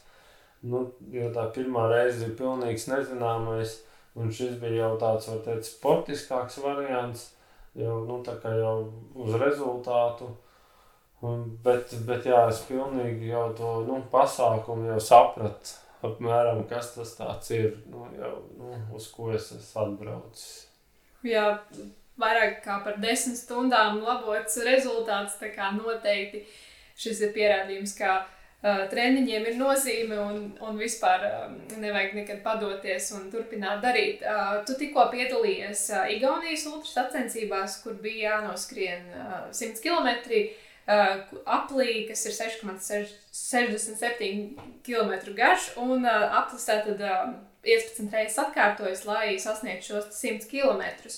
Un uh, atšķirībā no Spartatlona, tad, uh, kas Spartatlonā visu laiku mainās šī trase, uh, Uh, šeit ir apli, kas atkārtojas. Kas tev pašam piesaista vairāk? Uh, apli, piemēram, Latvijā arī 12 stundas ap māras dīķi, noteikti kādā brīdī nāk riebums. Kas tev, vai, vai, ir, vai ir vērtīgi izmēģināt no katra pa bišķiņam, vai, vai tev tomēr piesaista kaut kā konkrēta? Nu, abi ir labi. Ir labi, labi, un es Rehāņā jau tā man bija trešā reize. Es atceros, pirmā reize bija 3, ne, 14. un 15. gadā. Tad, jā, pēc Spartatlona es biju droši vien tur aizbraucis. Nu, man šķiet, bet tur tas rezultāts bija nu, tāds, es atceros, mocījos ar vēderu. Man kaut kas tur iepatikās tajā visā. Un aizbraucu pēc gada un atceros, kad Sigita uzvarēja un es biju otrais un bija ļoti labs rezultāts 15. gadā. 8 stundas un 20 minūtes, un es katru kā domāju, nu vajadzētu, vajadzētu, bet tad, nu, šķiet, nu, neesmu tur satrinējies un tā, nu, nu, nu šogad, nu, pēc tā Spartatlona bija 4 nedēļas pagājušas, un pirmā nedēļa bija tāds māju ceļš vispār bez skriešanas, nu, nedēļa, nu, 7 dienas vispār bez skriešanas, Un, un, un, un, tad jau paliek trīs nedēļas, un tajā sacensību nedēļā, nu, kad ir tie 100 km jāskan atkal nevar īsti skriet. Nu, jo tā kā jāpatalpās, un tad bija divas nedēļas. Tā pirmā nedēļa tāda, nu, saprast, kas ir, kas nav, nu, tāda, nu, tās skrējas bija tāds gaisīgs diezgan, nu, tā, tā pirmajā nedēļā apmēram, tā kā es nezinu, būtu nu, kāda ilgstoša trauma vai slimošana, nu, kad ir tāda garāka pauze paņemt un skrien un tā ļoti viegli un tāds mānīgs vieglums. Un tā nu, ātri, viegli un saprot, ka nu, nav tā, ka nu, pirms sacensībām ir tāds baigais režīms iegājis un, un nu, kad nu, nav tā viela, tur nu, ir tā, tā skriešana kā skriešana, bet tad tāds nu, tiešām tā, ka, es nezinu, tā ļoti viegli. Nu, tā otrā nedēļa, nu, tāda arī nevarēja saprast. No vienas puses šķita, ka jā, no otras puses nē, es nevarēju saprast, nu, piedalīties vai nepiedalīties. Un, un kas man tur varētu piesaistīt? Nu, atceros, ja tad man bija 8 stundas un 20 minūtes. Nu, tagad pamēģināt uz 8, nu, kas bija tā pārgalvīgi un, un neadekvāti. Uh, pēc Spartatlona, kad tā īsti nu, tāds atkopies un nu, neesmu paskrējis kaut kādus treniņus nopietnākus, ne tādus kaut kādus vieglus, tādus gaisīgus. Un, un, un, un tā un es sapratu, jā, nu, tur es noplīsīšu un kā, bet, bet no otras puses, ja es neaizbraukšu, es visu dienu tur sēdēšu mājās un domāšu, nu, kāpēc es neaizbraucu, un jā, labāk aizbraukt. Un, un tā, un, un, un, un nu, būs slikti, būs slikti. un, un, nu, aizbrauc, nu, uzvarēju, ja, bet tajā pašā laikā īstenībā jau bija slikti ar visu to uzvaru, jo, jo tas, um, nu, ja tad man bija 8 stundas un 20, un tagad bija 8 stundas un 50 pusstundu lēnāk nekā pirms nu, tiem sešiem gadiem. Bet nu, tā bija otrā vieta, un tā vieta uzvarēja. Un trasa bija briesmīga, lai gan viņa tur vienmēr ir briesmīga. Tajā reizē gan bija startā mīnus 2 grādi un finišā bija plus 2. Nu šeit jau bija startā plus 2, 3 grādi. Un, un, un lietus lija, jā, nu, nu tā reizē noteikti, ka lietas nebija. Bija mīnusā un tāds piesals un bija forši. Un, nu, nezinu, tad varbūt, ja es kādreiz vēl gribu tās astoņas stundas pa kalniņiem, uh, Nu, jo nu, es pat neesmu pa līdzi asfaltam noskrējis 8 stundas, 100 km. Bet nu, šeit ir liekas, nu, šitais var. Jo temperatūra ir tāda, nu, kas tā man labāk patīk. Man nepatīk karstumā īstenībā skriet. Vasarā es ne, man galīgi nepatīk tāds rudens vai pavasaris. Pavasarī atkal mīnus, kad nav tā fiziskā forma tik laba. Bet rudenī pēc tās siltās vasaras, kad temperatūra nokrītās, var baigi labi paskriet. Un tā kā ja tur būtu bijis piesalis, nu, tad droši vien būtu Spartaklons atspēlējis, un tāpat nebūtu bijis, nu, ja tā kas objektīvi paskatās uz to visu. Bet, bet jā, nu, es nenožēloju, ka aizbraucu, noplīsu tajā visā pasākumā, jo nu, tas viss nokritās. Nu, bet jā, apaļi ir ļoti labi. Viņi parāda to, kā tas viss iet uz leju, cik tas viss ir slikti.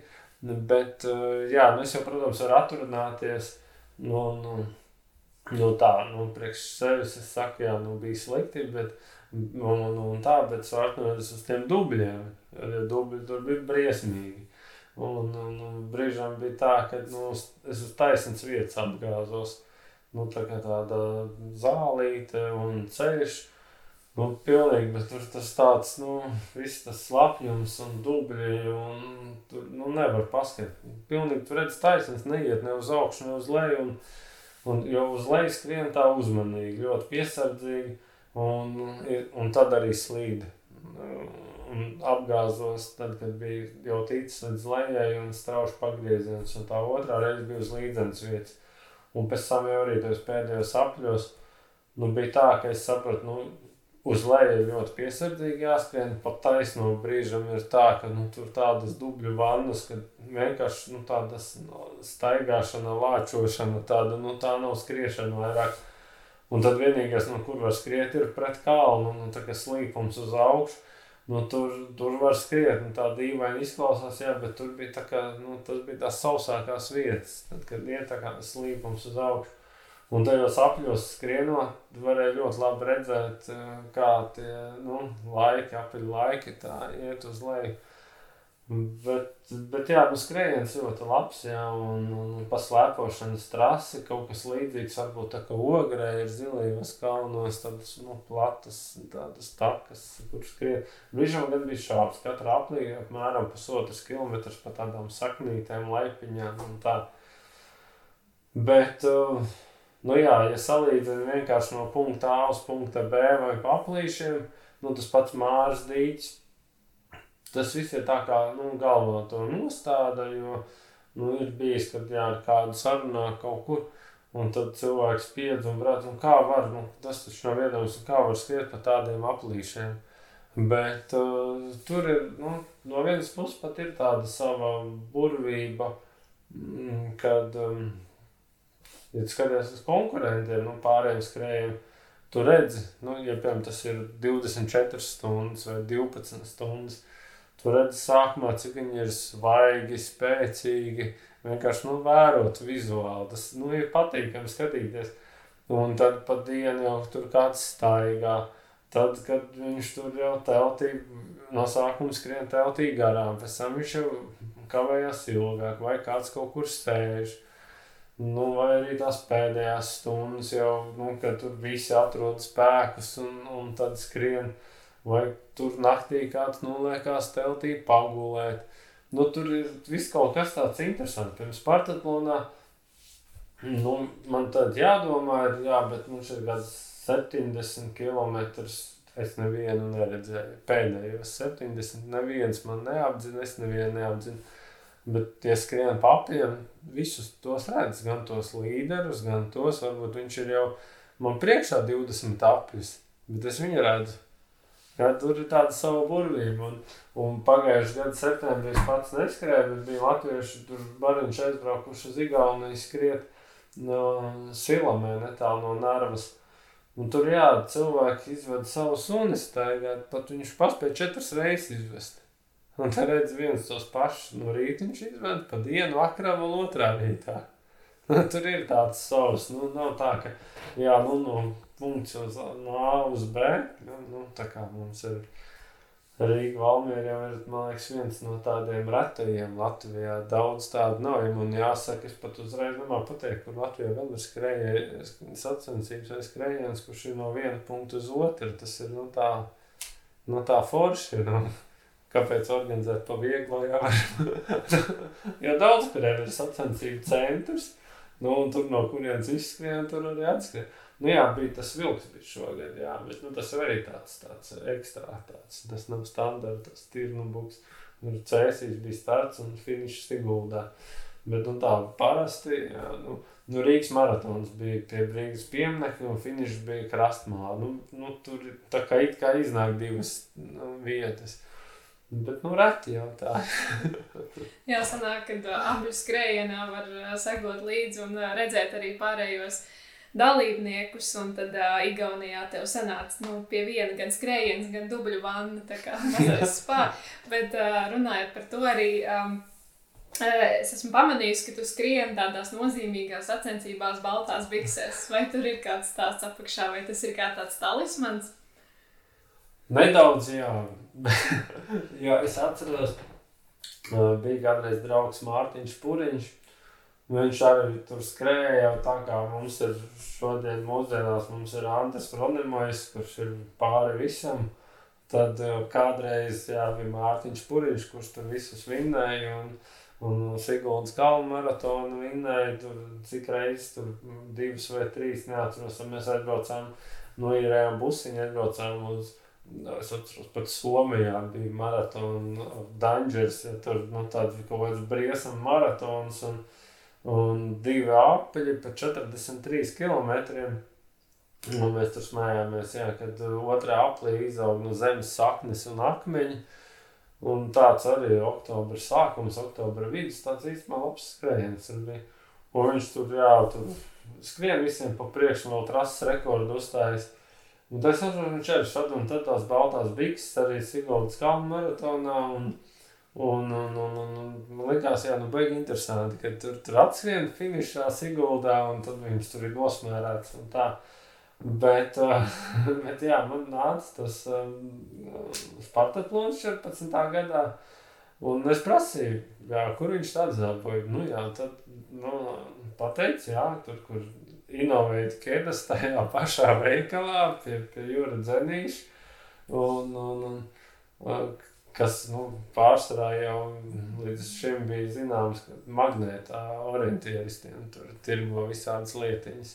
Tagad tās īstenībā ir orientēšanās bikses, tādas orientieris. Un jā, un es nopirku Spartatlonu, un noskrēju Spartatlonu, un tas Spartatlons ir beidzies, un, un, un izmazgāts, salocīts, skapītī, nostāvēja ļoti daudzus gadus, nu, un, un tā. Un es pat neatceros, jā, man šķiet, kad izvilku pagājuši gads, man, es, nu, droši vien, es izvilku, jā, kad, um, Spartatlonu atcēla diezgan pēdējā brīdī. Un tieši tajā nedēļas nogalē bija Siguldas kalnu maratons. Un, un, un es domāju, nu kā nu tagad būs noskaņoties. Bet nav jau īsti varianti jānoskaņojās. Kādās divās, trijās nedēļās es sapratu, ka nu nav varianti. Es savu iestāstīšu, ka nu, tagad Spartatlonu vietā es skriešu pa Siguldu, tur pa tām taciņām.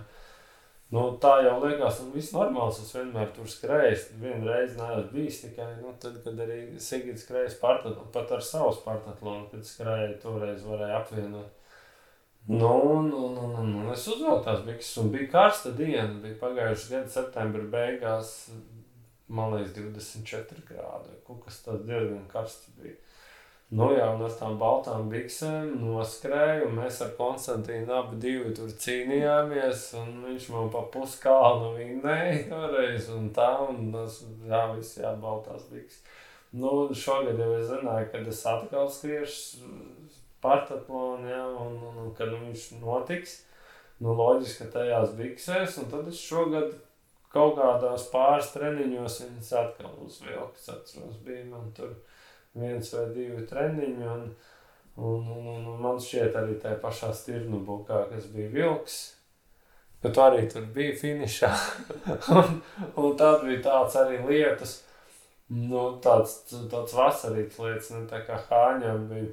Un, un, un, un, un, un es biju caurs labs izmircis, bet nebija nekāda vaina tur tajā augustu vidū. Un, nu, tagad hāņa arī, es visu laiku domāju, skatos laika prognozēm, plus 2, plus 3 grādi. Man nu, bija tā kā garās bikses, tādas ziemas bikses, kaut kādas vēl tur, nu es nevarēju saprast beigās, nu, tā, nu labi, uzaugstāšu pasas baltās, ja tur dubeļi jau būs, un, un nu, jā, bet, nu, droši vien, jā, kad, nu, nu, ir jau pierasts, un cilvēki jau arī ir, nu, tā kā, Jā, jā, es esmu pamanījis tās bikses, un arī sanāk tad tie rezultāti. Kā, kā. Tas arī laikam tas, tā psiholoģiskā puse, jo es zinu, ka man arī pašai ir lietas, ko es vēl tikai sacensībās. Man liekas, prāts vienkārši jau strādā uz to, ka, ja, ja uzvilks to, tad, tad tā arī ir. Nu, jā, jau makaronus es arī pieņemšu. Mēģinu tikai iepriekšējā vakarā pirms sacensībām. Citās reizēs vispār viņas nē. Nu, vēl mazās detaļās sanāk lielas lietas. Um, kopumā par ultramaratoniem un skriešanu, vai tas tev palīdz arī sasniegt kaut kādas liel, lielākas lietas, mērķus vispār dzīvē? Tā pieredze, ko tu esi ieguvis, ka tu redzi, ka tev sanāk.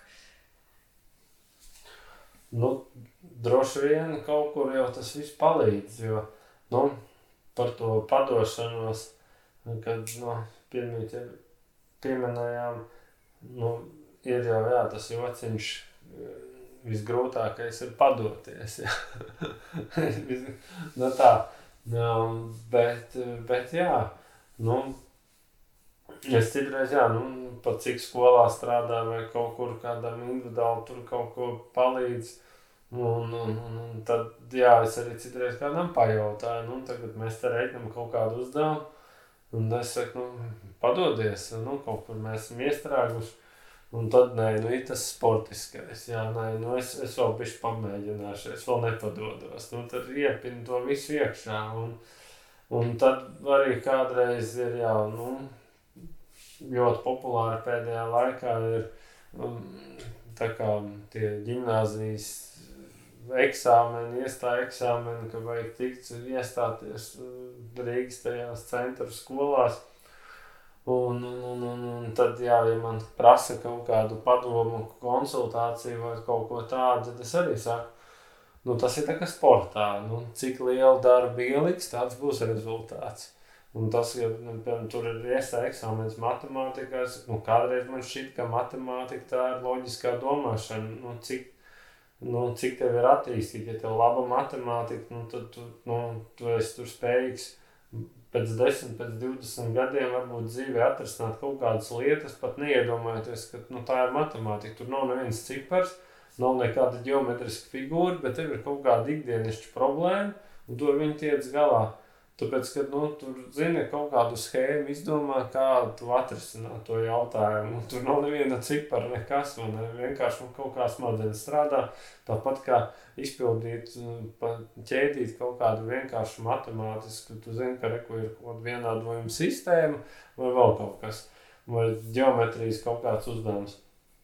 Un, un, un, un tad Un tad tagad es vairāk saku, ka matemātika tā ir nevis um, tāda loģika, bet tas ir darbs.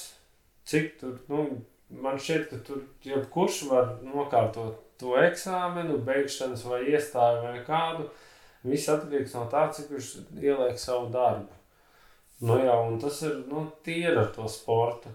Un, un, un ja es parasti pajautāju, no tādām ultrām jau, nu, kā mēs zinām, nodarbojās tādā vecumā jau kaut kādā pēc 30 vai, vai cik, un tad, nu, jau skolas vecumā katram ir kaut kāds sporta veids.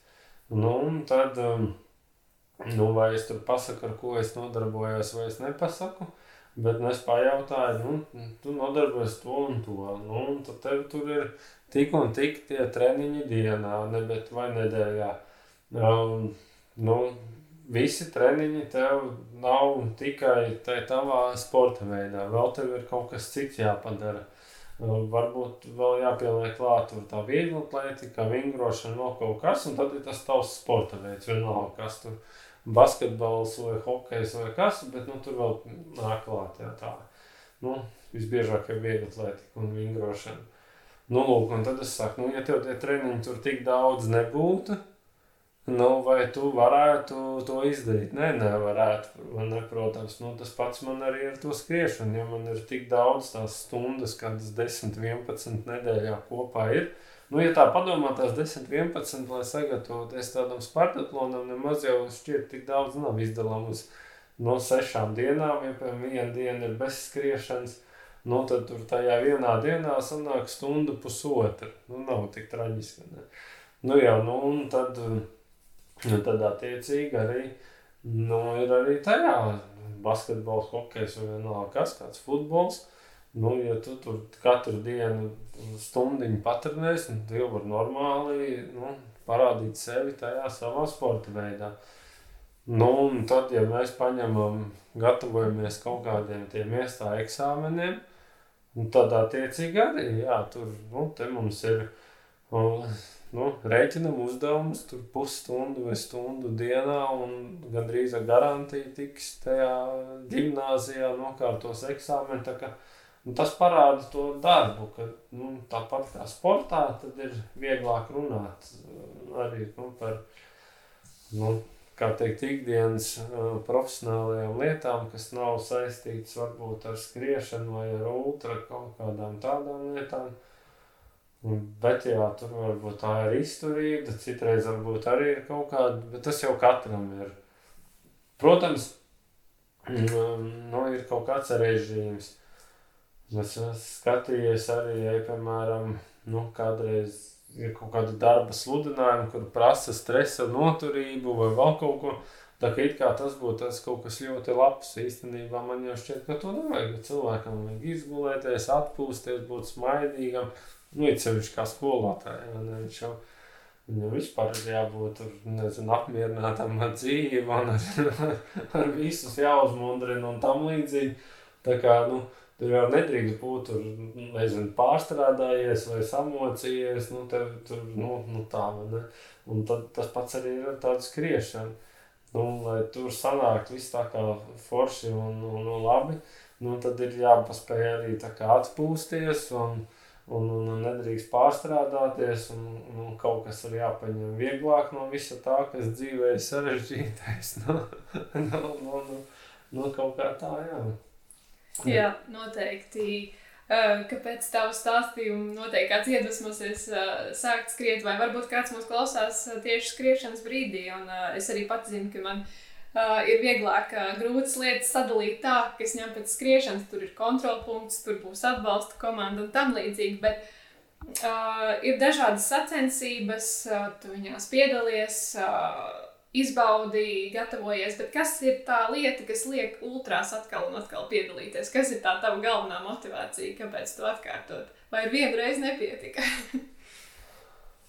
nu jā, zin kā ir tas teiciens, jā, ka ultramaratonistiem vāja atmiņa, bet tā arī tiešām ir. Tās grūtības baigi aizmirstās.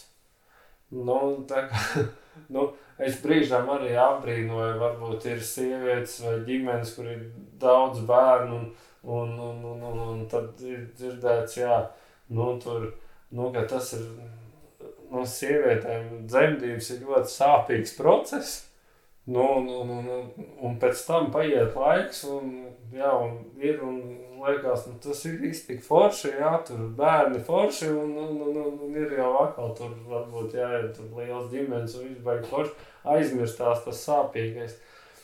Nu, un, un tas pats ir arī, no tajā, no skriešanā.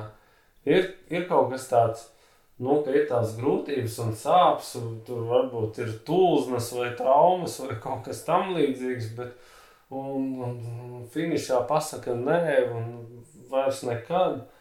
Bet paiet kaut kāds laiks un aizmirstās. Un, un tieši tas grūtākais ir pirmais, kas aizmirstās.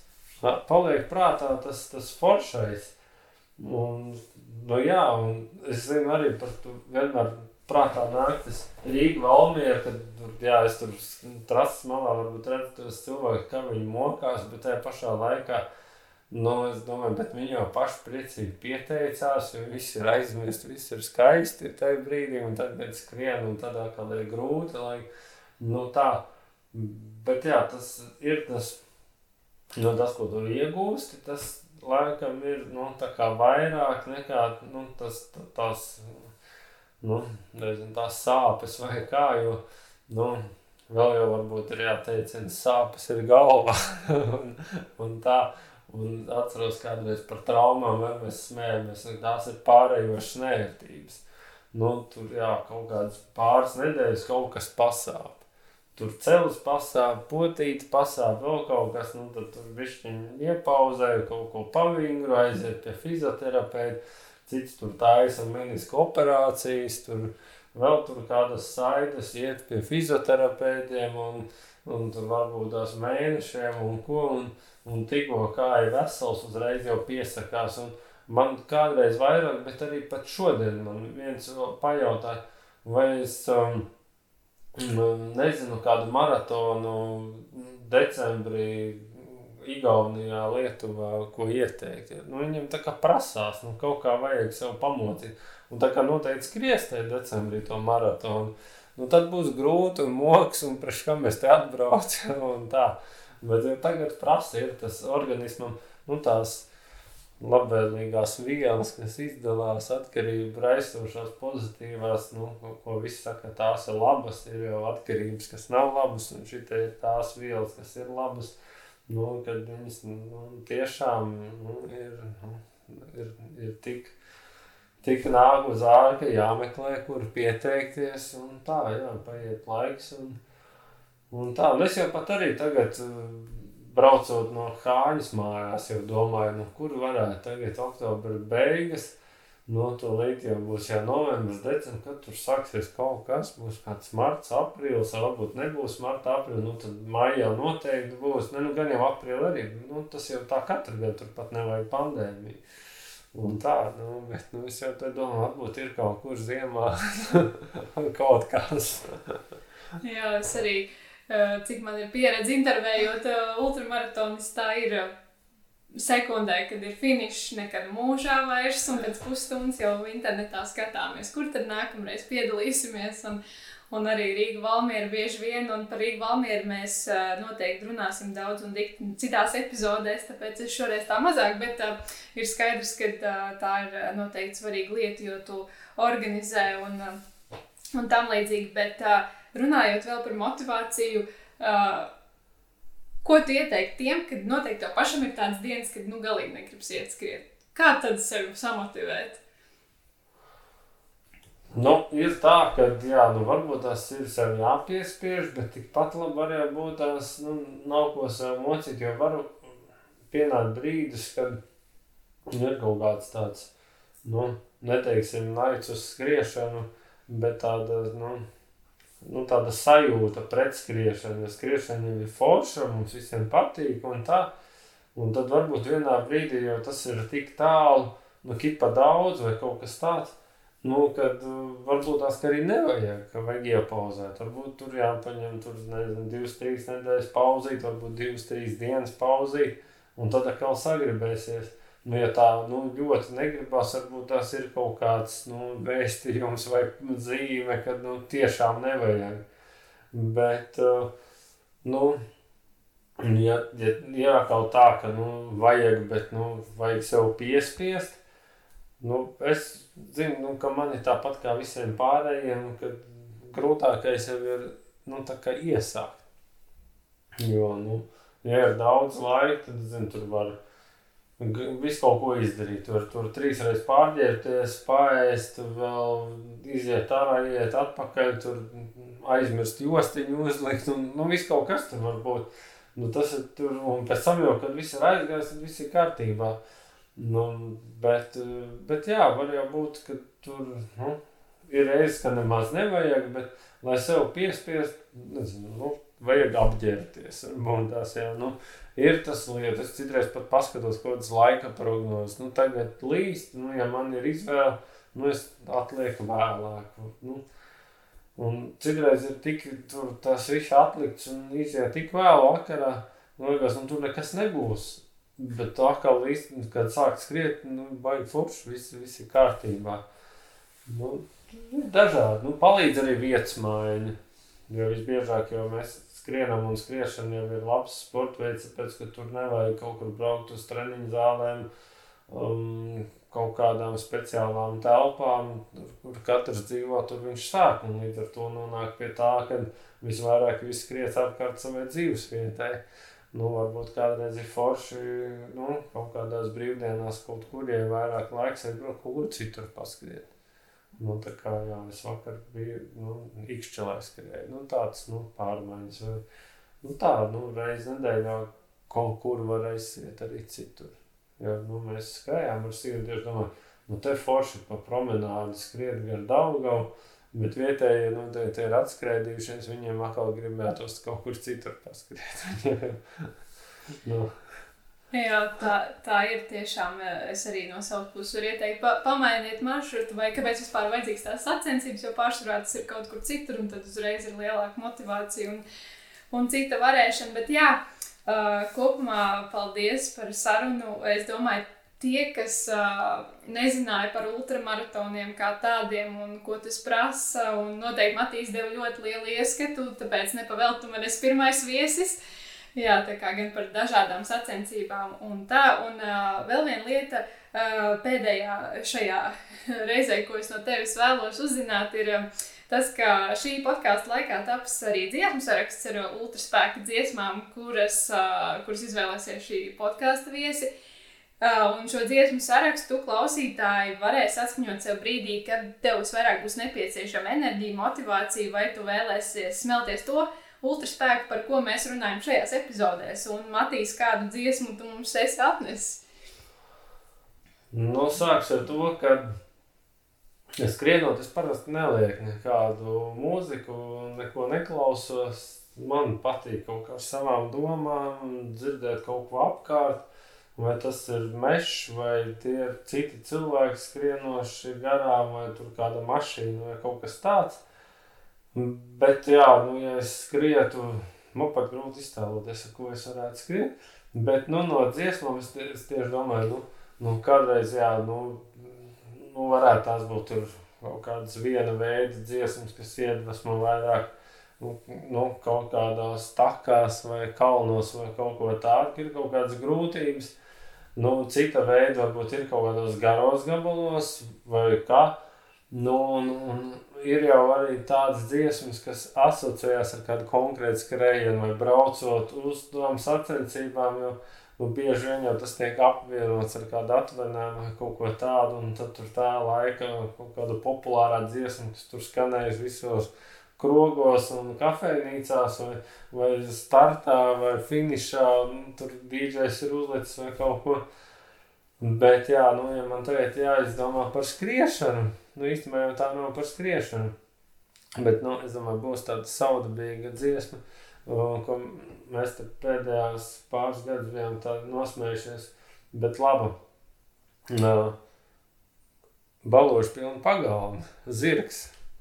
Ja tur ir arī par skriešanu. Un jā, vēl es atceros, bija um, vēl versija Kors Juventus, bet nu, tas, tas, tas nu tā, vai viena versija oriģinālā, vai, vai vēl, jā, tur. Pat oriģinālā versija, jā, par zirgu. Nu, lieliski. Viņš sāk skriet. Man kā varbūt mums jātiecās uz uh, zirga rikšo, rikšošanu, un tad mums visiem sanāks uh, lieliski skrējieni. Jā, liels paldies tev, Matīs, um, par šo sarunu. Esam parunājuši par motivāciju un par, par tavu pieredzi. Uh, uh, pavisam garos un garos gabalos. Tā kā liels paldies un tiekamies ultrās, vai ne?